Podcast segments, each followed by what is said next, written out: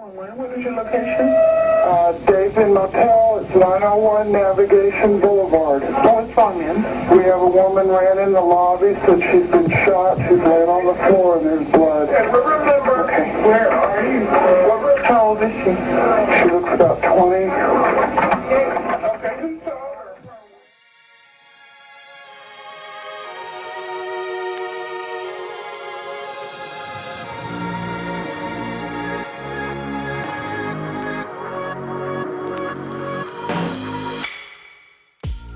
Komið sæl og verið hjartanlega velkomin í Ítlverk podcast. Podcastið sem færir okkur glæpa pervertana saman á örugan stað. En það er ekki til örugari staður en Leanbody stúdióið. En Leanbody er um eitt aðal styrtaræðli þáttanins. Ég er með prótenlumur hérna við höndina as we speak með vænum skamt af súkulæðismjöru frá Skinny sem er nýtt merki frá Leanbody. Súkulæðismjör, netusmjör, alls konar gúrme sósur, sultur líka. Geggið að maður elskar að smyrja allt vel og sósa sér vel í gang en vill samt fara hotlari leiðina.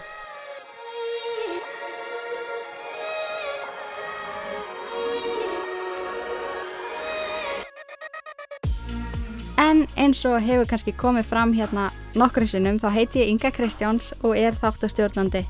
Og í dag Á þessum fallega miðugudegi ætla ég að segja ykkur frá ótrúlegu máli sem að ég, ótrúlegt en satt, hafði ekki hugmynd um.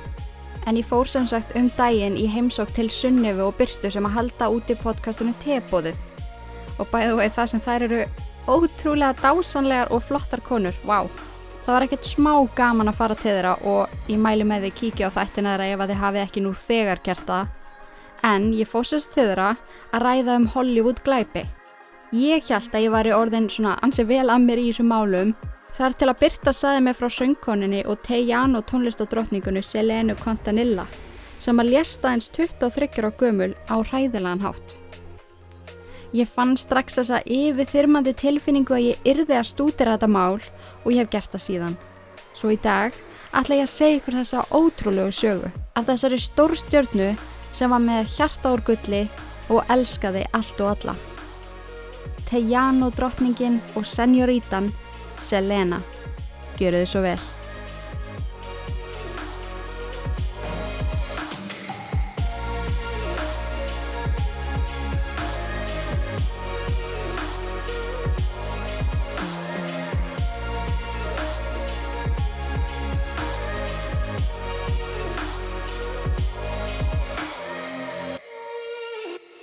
Selena fættist í Lake Jackson, Texas, þann 16. april 1971. Hún var yngsta bart foreldra sinna þegar Marcellu og Abraham Quantanilla. Pappinar hafði lengi vel verið á kafi í tónlistabransanum en um það leiti sem að Selena fættist lagðan drauminn svolítið á hilluna. Árið 1981 þegar Selena var tíjar á gömul opnuðu foreldra hennar veitingastæðin Papagayos. Hann gekk ekki sem skildi og fjárraksáökjur fjölskyldunar stegumögnuðust og mánamót urðu mikill streytuvaldur á heimilinu. En það var þá sem að Abraham fekk þá hugmynd að kannski geta hann lífga upp á staðin með lifandi tónlist. Kannski kæmi fólk frekar ef að það hefði lifandi tónlist í eironum að meðan það borðaði mati sinn sem að hann lagði svo mikla ástruðu í. Eldri sískinni selenu kunnu öll á hljóðfæri svo auðvitað var eina vitið að stopna fjölskyldurhljómsveit. Plani var að Abraham myndi svo syngja. Það var ekki fyrir ná einni æfingunni sem hann breytti um skoðun með það. Hann átti ekki til orði að tíara dóttir hans, tók mikrofónin og söng. Hún kunni ekki textan, en laglínan og tótnin í röttinni. Hann vissi frá þessu andatæki að tíara gamla Selína hefði allt sem þurfti til þess að verða söngkona. Þrátt fyrir góðar undirtektir viðskiptavina Papagæjós við tónlistinni komist þau aldrei upp úr skuldar grifjunni. Það sem var þeim svo endalega falli var efnahagskreppa sem reyði yfir í kringum 1980 og stóði yfir í nokkur ár. Abraham var gjaldróta. Á þessum tímapunkti var ekkert neginn ekkert sem að hann gætt gerst. Hún er leið eins og hann hefði brúðist fjölskyldunni sinni. Í kjölfarið mistuði heimili sitt í Lake Jackson Það eina sem að hjælt fjölskyldunni gangandi var tónlistin. Þau sungu saman öllum stundum og einn daginn fekk Abraham hugmynd. Hvað með að taka okkur gigg? Spila hér og þar? Á pöppum, veitingastöðum, út á götu? Hvað sem er? Því ef það er eitthvað sem að heimurinn getur saminast um, þá er það ást á tónlist. Abraham setti sér í stellingar umbóðsmanns, eitthvað sem að hann hafði nú þegar mikla reynslu í. Þau skýrðu fjölskyldu hljómsveitina Selena í Lostino og fóru á fullt að koma henn á framfæri. Þau spiliðu öll kvöld á göduhórnum, komu sér inn í allskins viðbyrði og hátir, spiliðu brúðkaupum og öðrum visslum. Þau tóku bókstala allt sem að þeim böðst. Hljómsveitin varð vinsætli og vinsætli. Það var talað um Selenu sem the it girl. Hún hafði einhvern veginn allt. Fegurðina, röttina og þennan dásalega hlýja karakter. Það leiði ekki á laungu þar til eftirsoknin eftir hljómsveitinni var orðin svo mikil að það var farið að hafa áhrif á skólagöngu Selenu sem var þarna í áttundabekk. Fóreldra hennar tóku þá drastísku ákvörðun að taka hana úr skólanum, skólastjórunum og umsjónakennara Selenu til mikill af vonbreða. Umsjónakennari hennar, Marlin Grýr, mælti harlega á móti því að Selena erði tekin úr skóla svona ung. Það væri gjörsalega fáralagt og fóreldra hennar væri að lifa drauminn sinni gegnum hana. Hún gekk mér sér það lánt að hóta því að kæra fóreldra Selenu til barnavendanemdar vegna vannrækslu. Það eina sem Abraham hafi við þannig kennar að segja var mind your own business eða skiptur ekki að því sem þið kemur ekki við. Það var mikil keirsla og það var mikil þroski sem að Selena þurfti að taka út mjög snemma. Hún fann samt með tímanum að henni langa að menta sig meira. Þegar hún var 17 ára gömul skráðin sér í skóla í Chicago og kláraði þar studentspróf. Hún fór svo beint yfir í Pacific Western University þar sem hún læriði viðskiptafræði en hennar draumur var að reyka sína eigin fataverslun. Á meðan hún syndi náminu, sem að henni gekk bæðu alveg ótrúlega vel í, var hún að gigga út um allt. Abraham innrættaði gamlan skólabíl sem svona tourbus sem að þau köllu alltaf Big Bertha og ferðaðist fjölskyldan á honum á milli áfangastada. Fyrsta ári á þessu tónlistaferðalagi áttuðu varðla fyrir mat og stundum ekki elsneiti á Big Berthu. En ykkur neginn náðu þau alltaf að retta sér með giggum. Árið 1984 uppgötuðu Freddy Records ótrúlega rödd Selenu og vildu prófa að taka upp lag með Selena í Los Dinos. Tónlistin var í Tejano stíl sem er einni þekkt sem Tex-Mex tónlist. Það er blanda saman meksikóskum, evróskum og bandarískum tónlistastílum. Hreinjandin er blanda polka, vals og jazz.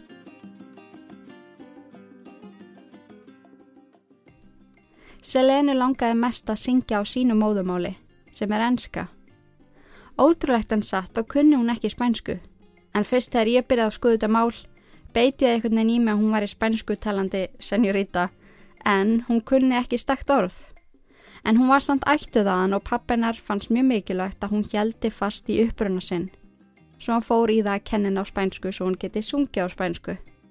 Ári eftir að Freddy Records tekur upp fyrsta lægið með hljómsveitinni kemur Selena fram í Johnny Canales show sem var frægur spænskur útarstáttur. Þar kynnt hún plötuna sem var hljómsveitin á samt Freddy Records hafi nýverið gefið út, auk þess að syngja lag af plötunni. Það heitluðist mjög margir af henni eftir þannan útarstátt. Þar á meðal var Rúti Trevino sem er stopnandi Tejano tónlistaverlunana. Hann vildi vinna með henni og kom hann Selenu enn meira á kortið. Árið 1987, þegar hún var 16 ára gömul, vann hún Tejano söngkona ársins. 17. oktober 1989 gaf Selena út aðra plötu og komst í fyrsta sinn á bandaríska billboardlistan, eitthvað sem að engin önnur Tejano söngkona hafði náð áður. Sama ár hafði Coca-Cola samband við hana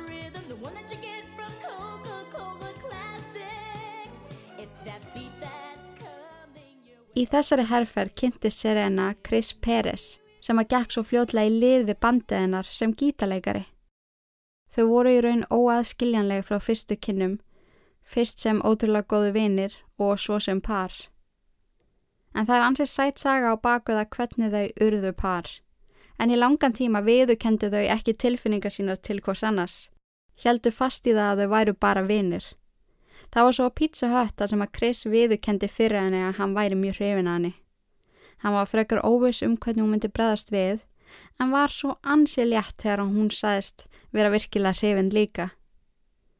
Fyrstum sinn földuðu sambandið, en Selena var ansi hrættum að pappi sinn, sem var mjög passasamur á hana, myndi ekki samþykja það. Á þessum tímapunkti voru vinsældir Selenu gríðalega miklar.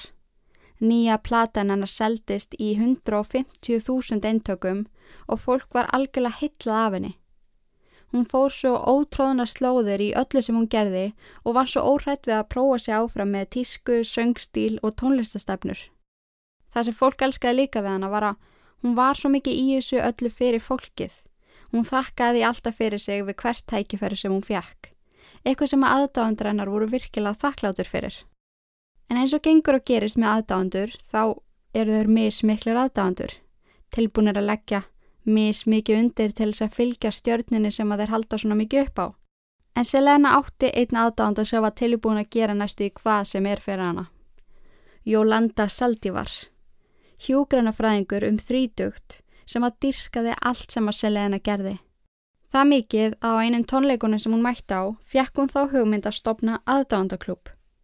Klúb þar sem að þú gast greitt meðlemagjald og fengið því alls konar fríðindi. Þá til dæmis aðganga nýjum plötum og undan öðrum, áritu plakkut, betri sæti á tónleikum og meiri möguleika á því að hitta Selenu. Jólanda ringdi hvað eftir annað í pappa Selenu og baðanum bæði leifi og fjármagn til þess að stopna hann aðdáðandaklúb. Magnasamt hvað þetta búið að breytast síðan þá. Það er eins og ég fara að ringja í pappa Katy Perry og beða hann um leifi fyrir að stopna aðdándaklúf fyrir hana. Það er rúglega ansi erfitt að fá samband við hann en samkvæmt öllu sem að ég fann þá var pappi Selenu umbóðsmaðurinn hennar. Hún hafði vist samband rúmlega tíu sinnum þar til að Abraham tók hann alvarlega og hlusta á það sem hún hafði að segja. Jólanda sað hann um að Jú, hún væri alveg gríðalegur aðdándi og hafi fengið þessa hugmynd en þetta geti verið alveg ótrúlega góð kynning á bandinu og aðdándaklúpur fyrir stórstjórnu eins og hana var í laungu orðin tímabær. Abraham samþykki klúpin og fælst á að veita henni fjármag til þess að starta honum. En við erum að tala um að Jólanda sendi meðlemum klúpsins nær vikula bæklinga um hvað var á döfinni, kom því í kringa fólk fengi plaggutu sín, plötuna sínar og það leiði ekki löngu þar til að það var orðið það brála að gera í þessu að hún hætti í vinnunir sinni sem hjúgrunafræðingur og fór á fullt í að sinna tæplega 5.000 manna aðdáðandahóp. Sama ár eða árið 1991 gaf Selena út lægið Buenos Amigos sem að varð eitt af hennar vinsælustu lögum og náðu það fyrsta sæti á bandaríska billboardlistanum. 1992 var lægið tilnænt til Billboard tónlistaverlunana og Tejano tónlistaverlunana. Lægi var spilað á öllum útárstöðum og náði alveg gríðalegum vinsaldum um allan heim. En þetta var svona lægið sem að kominni endala á kortið. Hún var þekkt fyrir að vera alveg langt yfir meðalagi falleg. Hún var óhrætt við að skoða sig áfram með fatastíl sem var yfirleitt mjög kynþokkafullur og glitrandi sem að fólki fannst einstaklega hillandi. Selena var klárlega komin til að vera. Í lók 1991 var Suzette, sýstir Selenu, vittni af daðri á milli sýstu sinnar og Chris Peres. Auðvitað, eins og eldri sýstur gerað, þá fór hún beina leið með þær upplýsingar í pappasinn. Rétt eins og Selenu grunaði var pappennar ekki ánæður með Chris. Hann tók hann afsíðis og tjáðunum það að samband hans og Selenu var í búið. Þrátt fyrir þetta heldu þau áfram að vera saman. Í eitt skipti á tónleikaferðalagi sá Abraham til þeirra kissast. Hann reyfi nakkadram Chris og dró hann til hliðar. Hann kallaði Chris illkynja krabbamenn í fjölskyldunni og by the way, ég hata, ég nota ekki oft orðið hata en ég gjör sannlega hef null tolerans fyrir því þegar fólk segir þetta. Mér finnst þetta svo viðustyggileg viðlíking eitthvað. En já, ok, í kjálfari braust út heiftalegt rifrildi innan fjölskyldunar og ekki bætt úr skák þegar Marcella, eiginkona Abraham og móðir Selenu sagðist líka bara ágætla við Chris og segja ekki því að þau varu saman. Það gerði Abraham algjörlega brjálaðan og hótaði hann að yfirgefa hljómsveitina. Eftir nokkra daga Aðeins búin að pústa áka Abraham að vera áfram í hljómsveitinni og reka Krispar í staðin. Það myndi haldunum og dóttir hans í sundur. Selena hótaði að fara með Kris en Abraham bannaði henni það. Þráttur í þetta heldu þau áfram að hittast í laumi og vera saman og morgunin 2. april 1992 ákveða Selena og Kris að gifta sig. Þau vissu að Abraham myndi aldrei samþekja það en kannski ef hann segi hversu alvarlega þau tóku sambandið með því að gifta sig myndi gamli skarfurinn kannski linast. Nokkrum klukkustundum eftir að þau gengu í það heila hjá síslimanni hafði það frest út um allt og fjölmilar fjöllum leini brúðkaupið á öllum stöðum. Selena forðaðist fjölskylduna sína í svolítinn tíma sem var reyndi hvað eftir annað að hafa upp á henni. Abraham sem var fretti að dóttur hans hefði gifst krisi gegnum fjölmila tók frettunum ekki vel og hann lokaði sig af í nokkra vekur. Gjörsanlega bugar úr reyði yfir þessu öllu saman. Eftir að ungu hjónin hafði keipt sér íbúð kom Abraham fram í viðtali þar sem hann talaði mjög opinskátt um það hvernig hann leið með hjónabandið og hann óttaðist það að Chris myndi þvinga Selenu til þess að gefa ferilinu upp á bátinn sem var alls ekki það sem Chris ætlaði sér. Það leið heill mánuður af engum samskiptum millir feðginana sem var mjög ólíkt þeim. Þanga til að Abraham ákvaði að beðast afsökunar og sætta sig við og þau elskuðu hvort annað. En í skoðanaferminu um þetta mál þá reyndi að finna ástæði fyrir því af hverju Abraham kunni svona rosalega illa við Chris. Hvort hann hafi veist, verið með hvort hann hafi verið glæpamæður eða eitthvað svoleiðis hefði átt okkur að vafa sama fortíð. En ég fann ekki tannig þannig að ég held að þetta sé bara dæmi um ofvendandi föður mögulega smá gráður í peninga óttast að Chris geti eðilagt það eða eitthvað svoleiðis. En mér finnst það frekar óþægilegt að segja eitthvað neikvægt um þessa fjölskyldu þar sem Selena talaði alltaf svo vel um hana. Þau hafi verið svo náinn og staðið þétt saman. En mér fannst eitthvað smá skríti akkur hann var svona rosalega mikið á móti að þau væri saman. Kannski var það því hún var bara 21 ás en fullur en kona samt sem áður. I don't know. Mánuð eftir að Selena giftist Chris gaf hún út þriðju plötuna sínaEndre mi mundo Þessi plata sló svakaleg gegn og nær öll lögin á henni voru á topplista bandaríska billboardlistans í átta mánuði samfleitt. Hún seldist í 385.000 eintökum og var þetta fyrsta Tejano platan í sögunni til þess að seljast í fleiri en 300.000 eintökum. Selena kom fram í kjölfarið á bladamannafund í Monterey í Mexiko eftir velgengni plötunar en í þeim bæ var liti frekar mikið niður á hana en hún var kölluð gerfi spánveri þar sem að spænskanannar var langt frá því að vera fullkomin bæði þegar hún talaði hana og þegar hún söng. Fólk veldi í fyrir sér af hverju hún væri að reymbast verið að syngja spænsku þegar að móðumálið hennar var enska. En ánalskríns, Selena náði að snúa öllum eftir þetta viðtal. Hún heitlaði hvert einasta mannsbart sem að hlustaði með hlýja og góðlega karakternum sem að hún var. Viðunefni hennar fór úr því að vera gerfi spánvergi yfir í að vera söngkona fólksins. Hún spilaði á mörgum tónleikum í Mexiko eftir þetta. Þar á meðal stærsta viðburði í Mexiko þar sem rúmlega 70.000 manns mættu. Lægið Como la Flor var tilnæmt lag ársins árið 1993 á Tejano tónlistaverluna hátíðinni þar sem að Selena fekk líka titilinn Söngkona ársins.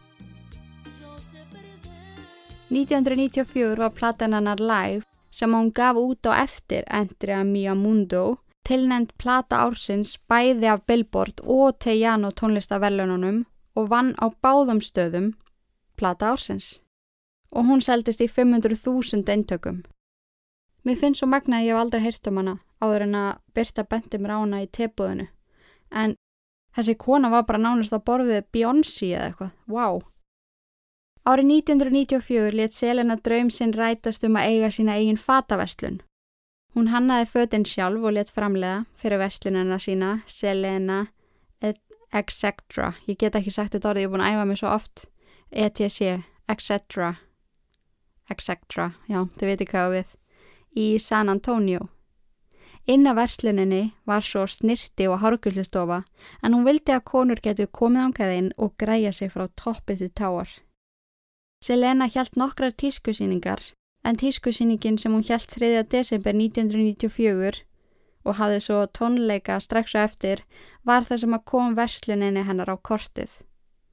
Plani var að opna verslanir í Monterey í Mexiko og tvær í Puerto Rico. Eftirspurnin var það mikil. Það sem að var svo brjálað að gera í búðunum náði Selena ekki halda utanum það sjálf. Svo hún baði Jó Löndu sem var þarna orðin mjög náinn vinkona fjölskyldunar um að vera verslunastjóri og framkvæmdastjóri í búðunum. Jólanda hafði þarna séð um aðdándaklúpin í langan tíma, ferðast með hljómsveitinni og var í rauninni bara orðin eina fjölskyldunni, svo að Selenu fannst fullkomið að hafa eitthvað í búðinni sem hún treysti 100%. Aðeins halvu ári eftir hún opnaði verslinina var Selena búin að græða 5 miljón dollara sem eru rúmar 650 miljónir íslenskra króna. Sama ár komst hún á lista 20 ríkustu hispanic tónlistakvenna í heimi. Selena gaf svo út fjörðuplötuna sína Amor Probibido í mars árið 1994. Platan fór beinustu leið í þriðja sæti á bandaríska Billboard Top Latin listanum og í fyrsta sæti á Billboard listanum sjálfum. Platan var mest selda latín platan í öllum bandaríkjunum nokkuru dögum eftir útgáfu en af henni fóru rúmlega 600.000 eintök. Þessi tildana plata höfðaði til víðari aldurshóps og fleiri aðdánda. Plata var tilnæmti Grammy-veluna og vann Tejano plata ársins 1995. Selena var sögð vera starri enn Tejano tónlist, sem er ótrúlegt. Segjum þú sért rappari, þú ert það góður að það er eitthvað sem segir við að þú sért starri en rappið sjálft. Ég held þú getur ekki fengið betra hrós en það sem tónlistamæður. Hún fekk þarna viðunefni drottning Tejano tónlistar og slík velgengni í tónlistaheiminum hafði ekki sérst síðustu 50 ár. Laugin hennar komist líka inn á svona besta laga allara tímalista og NPR eða National Public Radio í bandaríkjunum en það setti plötuna Amor Prohibido í 19. sæti af 150 fyrir bestu plötu gerða af konu ever. En selinu fannst hún þarna að vera búin að ná markmiðu sínum á spænsku. Hún hafði aldrei prófað að syngja lögi sín á ennsku og langaði virkilega að fara þá leið. Í februar 1995 söng Selena á tónleikum í Hjústón þar sem að miðarnir seldust upp á nokkrum mínútum. Henni fannst þetta góð lókun á þessum kabla og hún gæti ekki beð eftir að hefja nýjan og syngja á ennsku.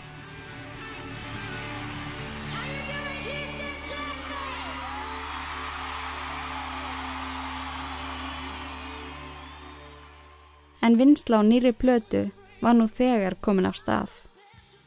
Áður við höldum áfram með sögu Selenu skulum við taka okkur örstutapásu og heyra nokkur ár frá styrstaræðila þáttarins.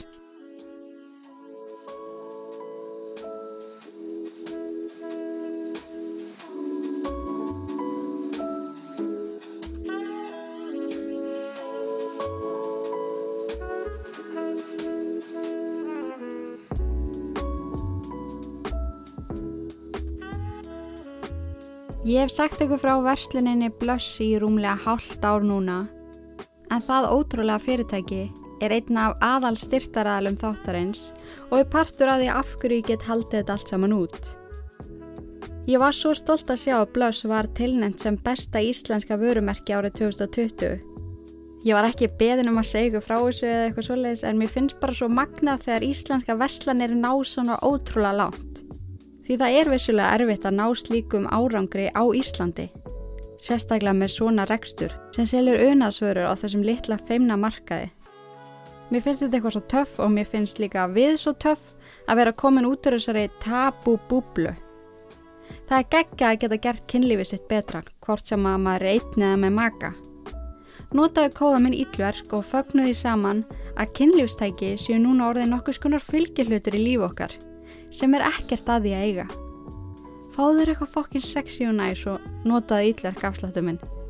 Við erum töff, fullnægð og ófeimin. Bless.is. Takk og bless.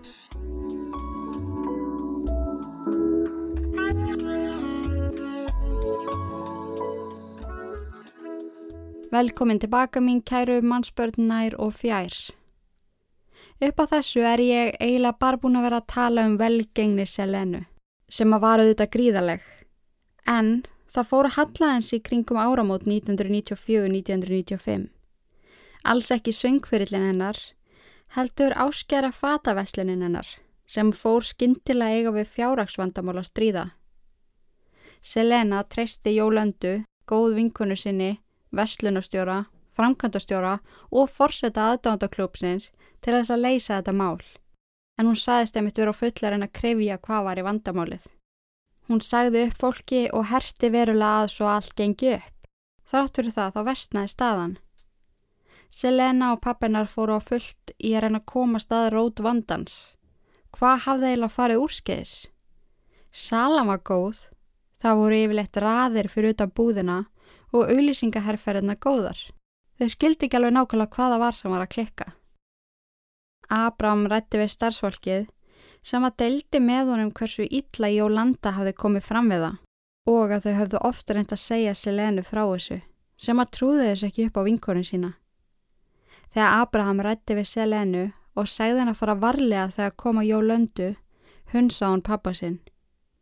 Jólanda hafði alltaf reynst þeim svo vel, gert allt fyrir fjölskylduna og líka það, þá hafði pappinar oft vantræst fólki gegnum tíðina sem var á endan og gott og heiðalett fólk.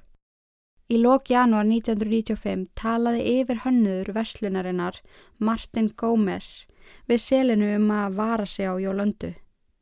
Frænkaselinu, Debra, saði henni það líka og nokkrir tryggir viðskiptavinir söðust hafa orðið fyrir barðina áni þegar þau fóru að versla. Þrátt fyrir þetta átti Selena erfitt með að trú þessu. Hún hafði einhvern veginn aldrei séð þessa slæmu hlið á Jólöndu. Hún hafði oft ferðast með henni og eitt miklum tíma með henni. Hún hafði alltaf verið svo góð og traust. Þetta gat bara einhvern veginn ekki verið. Í byrjun februar 1995 fór Abraham að fá símtöl frá reyðum aðdáðandum úr aðdáðanda klubnum sem að hafðu greitt félagsgjaldið sem voru 22 dólarar en ekki fengi nýjustu plötuna eða árita plaggat eins og þeim að lofað. Á svipum tíma komst Abraham að því að Jólanda hafði tekið út 30.000 dólara í heldina bæði úr versluninni og aðdáðandaklubnum. Þar sem hún sá alfarið um bæði búðina og klúpin hafði hún aðganga mjög viðkomum gögnum, þar á meðal fjárhagnum. Hún gati skrifað upp ávísanir og kvittað fyrir þar sjálf. Selena var gerðsala niður brotin þegar hún sá gögnin beint verið fram að sig. Vinguna hennar hafði í alverðinni farað á bakveðana og stólið af henni. Abraham bóðaði Jólöndu á fund og spurði hana út í hortnu peningana. Ef hún geti ekki sínt fram með förstum sönnunagögnum að þetta væri bull, myndi hann fara með máli til lauruglunar. Jólanda saði fátt á fundinum, en trompaðist þegar Abraham sagði henni að kom ekki nálagt Selenu meira. Abraham bannaði líka Selenu að tala við Jólöndu. Það væri eitthvað mjög skríti í gangi. Þrátt fyrir þetta allt átti Selena svo erfitt með að trú þessu. Hún átti svo erfitt með að kingja því að sambandið þeirra væri lokið sem að hafði alltaf verið svo gott. Hún vissi það líka að þýtti ekkit að loka hana. Allavega ekki á þessum tímapunkti þar sem að Jólanda var enn með halda á ýmsum bankagögnum sem að Selena þurfti að fá. Jólanda lofaði að láta Selenu fá sig gögn en frestaði því sífælt að hitt hana. Þegar Selena ringdi eftir að hafa beði í nokkra daga, sagði Jólanda henni frá því að hún hefði verið kynferðislega misnótu í Mexiko Hún hafi átt svo erfitt síðustu daga og þess vegna væri hún ekki búin að koma með þessa mikilvægu pappira. Selena kendi svo í brjóstum vingunni sína og böðst til að fara með henni upp á sjúgrás í skoðun og til þess að fá áfallahjálp sem Jú landa þáði. Þar gengur saman henn á sjúgrásið þar 31. mars 1995. Það fannst ekki daðinni í fljótu bræði og læknunum fannst hún haga sér undalega. Það var þá ákveða að skoða hana betur og beðni var sendt til heimilisleiknis hennar í San Antonio. Selena ógen aftur á mótilið þar sem hún dvaldi og gekk með henn inn. Á leiðinni stappa á nýjana stálinu og fullveisa hann um að það erði allt í góðu lægi. Þegar þar voru komnar inn á mótilherbyggið spurði Selena Fyrst ég er nú kominingað, má ég þó kannski fá gögnin sem ég þarf? Eftir að maldi móin í smá stund þá hækkaði Selena rómin. Sæðist verða að fá pappirana. Af hverju hún gæti ekki bara láta hann að fá þá?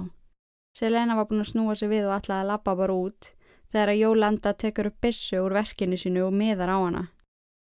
Jólanda skýtur einu skoti aftan í aukslinn á henni. Selena hleypur í móttökuna sem eru rúmir 120 metrar frá herbygginu.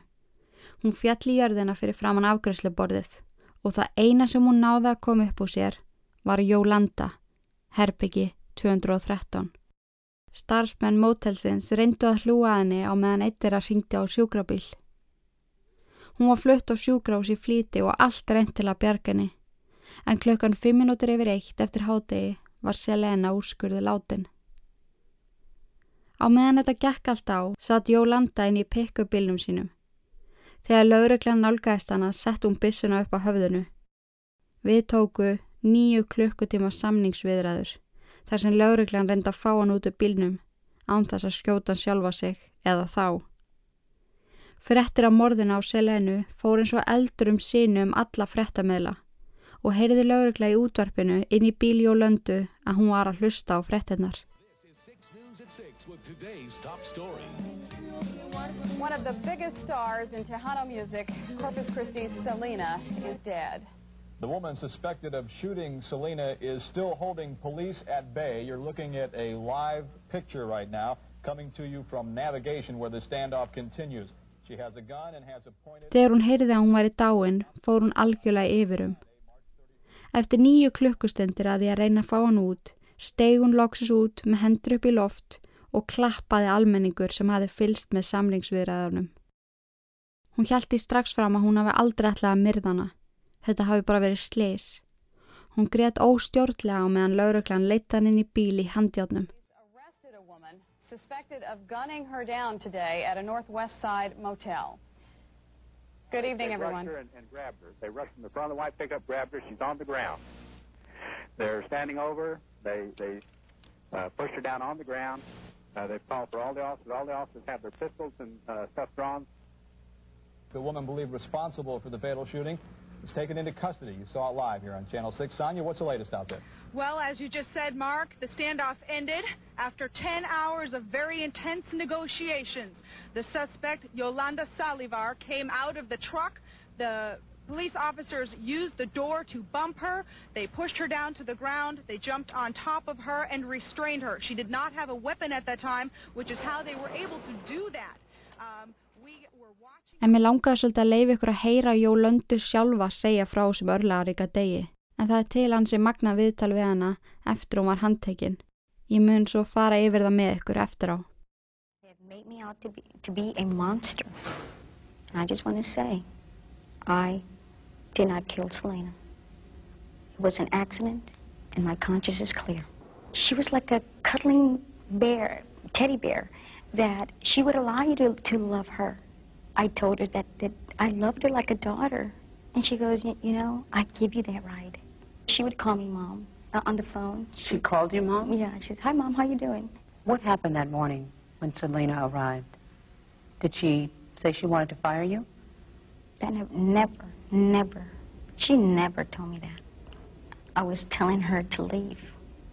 And I said, I, it's over, Selena. It's over.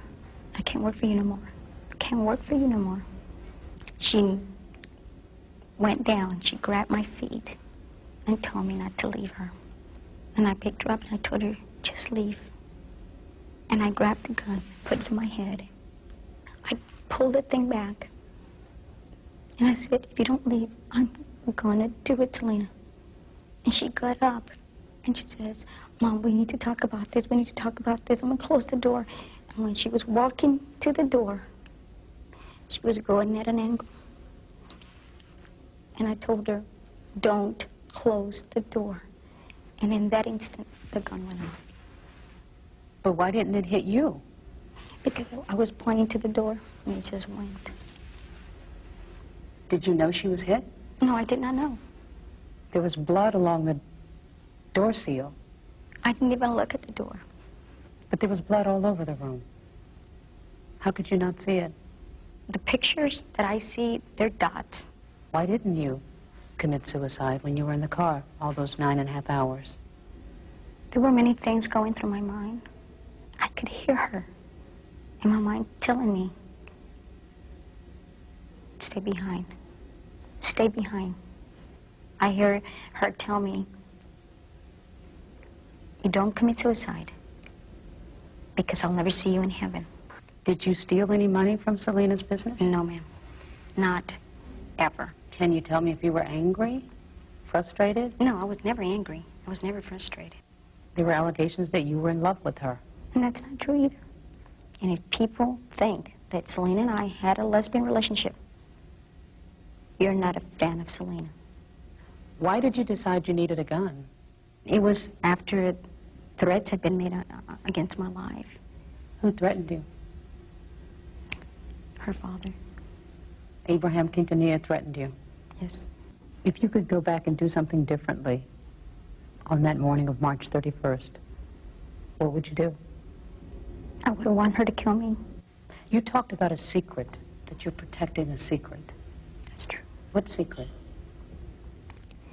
I can't indulge that at this point because it's because my case is in appeal.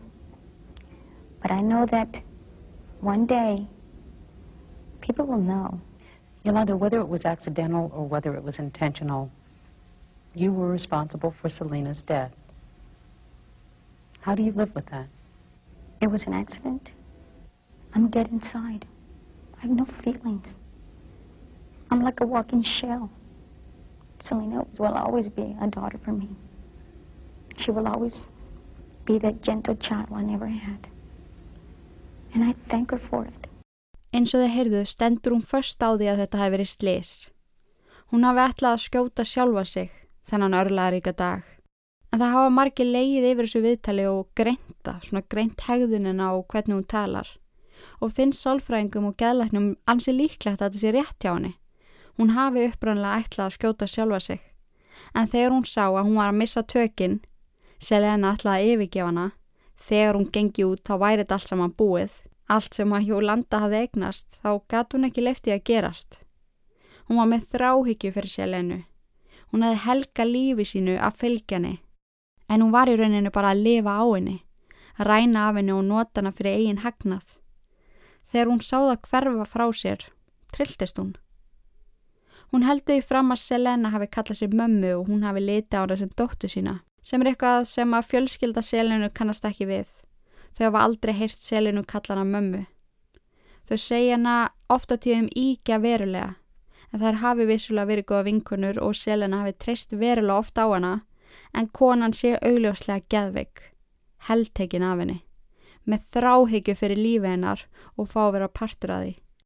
Hún var ósku venjuleg kona áður en að hún sá Selenu fyrst, en eftir að hún komin í lífi hennar, fekk hún smjörþefin að því að eiga peninga hafa völd og það átti að vara að taka það frá henni og þá reyndi hún að taka völdin aftur sem fór á þennan hátt. Það hefur líka komið hellingur af upplýsingum fram eftir á, eins og til dæmis frá starfsmönnum fatabúðarinnar sem segja frá því að stundum hafi Jólanda spurt þau uh, hei, hvernig fannst þið nýja lægið hennar Selenu? Og ef að þau voru ekki bara oh my god, það er geggjað, þú veist, þú voru sögðu kannski bara, já, það er mjög fínt þau voru ekki, ekki nægilega ána með það þá hafa hún trompast sagt við að þau síndu Selenu ekki nógu mikla virðingu, hún ætlaði að reka þau Heimilegina var þakið myndum af Selenu og af þeim tveim saman. Hún var gjörsanlega með hann á heilanum og ef hún gæti ekki haft hann í lífinu sínu áfram, varð hún að enda lífsitt eða Selenu. Það var ekkit annað í bóði. Það var reynda lögfræðingu Jólöndu í langan tíma að setja þetta fram sem slis.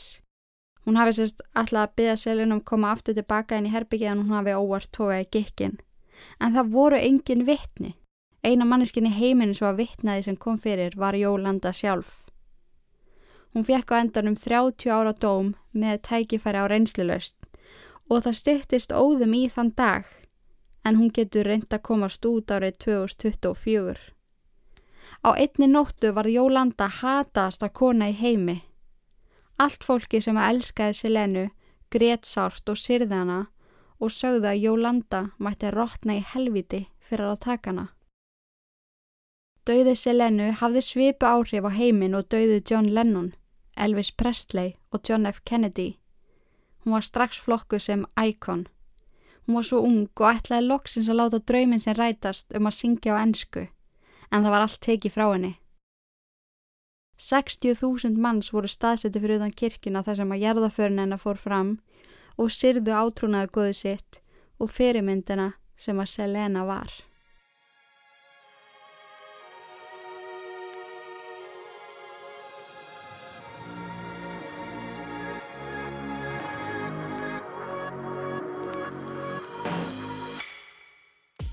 Það er svo margt sem að ég geti sagt ykkur frá í viðbót um Selenu, svo margt sem að gerast í ferli hennar og innan gæsa lappa eftir hún lést. En ég vil hveti ykkur til að horfa á kvikmyndina Selena þar sem að Jennifer Lopez leikur hana og svo Netflix þættina Selena sem er í gangi núna. Það er svo margt sem að þessi kona gerði og hún var ekkert eðlilega hæfileikarík. Fólk líkir nátt við konur eins og Whitney Houston sem er magnað en endilega skoði söguna betur. Hlusti á tónlistina og lærið um hana. Hún var gjörsanlega mögnuð. En ég mátt allan að til með að segja ykkur frá þessu í stuttumáli hvernig hún var tekin að lífi aðeins 23 og gömul með all lífi framöndan. En ætli Jólanda komist úr fangelsi árið 2024? Og önnur spurning. Ætli Selenu aðdáðandur muni leifin að lifa friðsælu lífi ef hún kemist út. En ég vil þakka ykkur kærlega fyrir að hlusta. Takk fyrir að vera til. Fáið ykkur ítlarpeysu sem fæst hennar ítlar.is og í guðanabænum forðistu all ítverk nema þetta podcast. Verið sæl.